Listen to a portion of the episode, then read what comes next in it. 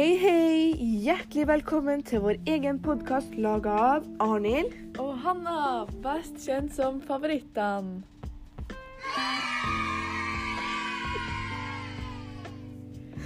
Vi skal nemlig snakke om Jamaica og Kenya, noen spesielle land på hver sin måte, vil nå jeg påstå.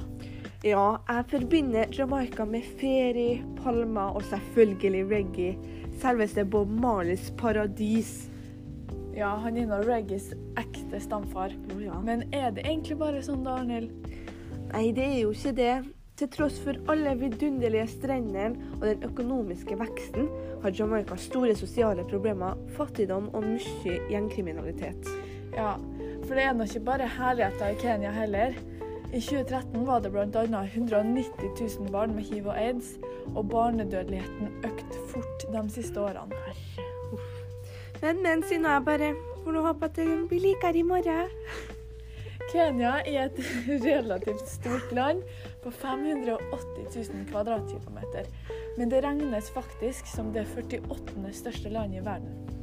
Befolkninga er faktisk på 44 millioner, og det høyeste fjellet er på 5200 meter over havet og heter Mount Kenya.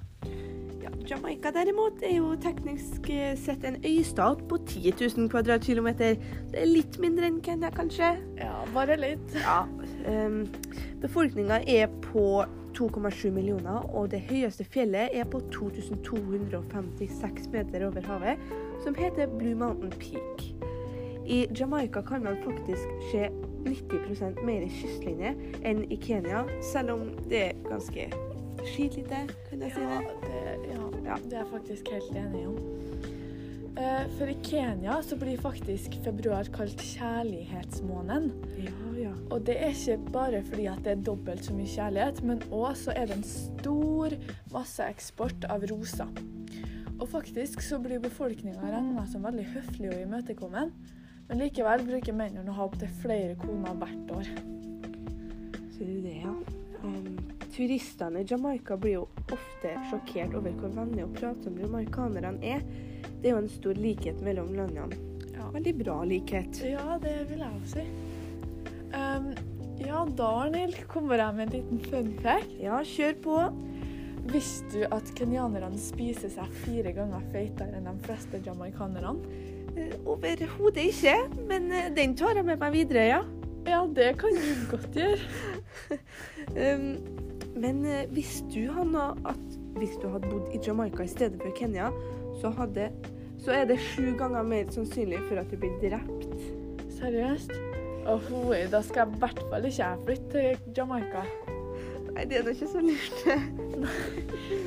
I forhold til rasisme og rastafari-bevegelsen har Ke både Kenya og Jamaica måttet ha gått gjennom en stor del mørke krefter i forhold til det.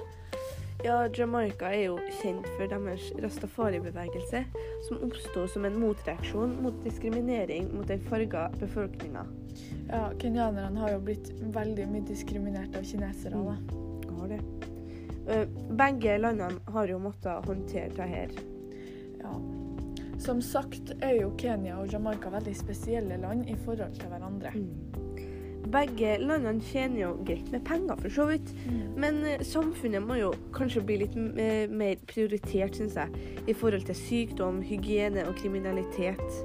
Jeg syns jo det var veldig interessant å lære om Jamaica og Kenya i forhold til hverandre. Likheter Ja. og forskjeller. Det syns jeg òg, for nå forstår jeg litt mer hva som foregår i landene, og jeg har litt mer øynene åpne i tilfelle eh, jeg skal dit en gang. Mm, høres bra ut. Men da vil vi bare si tusen takk for at du gidda å høre på det her.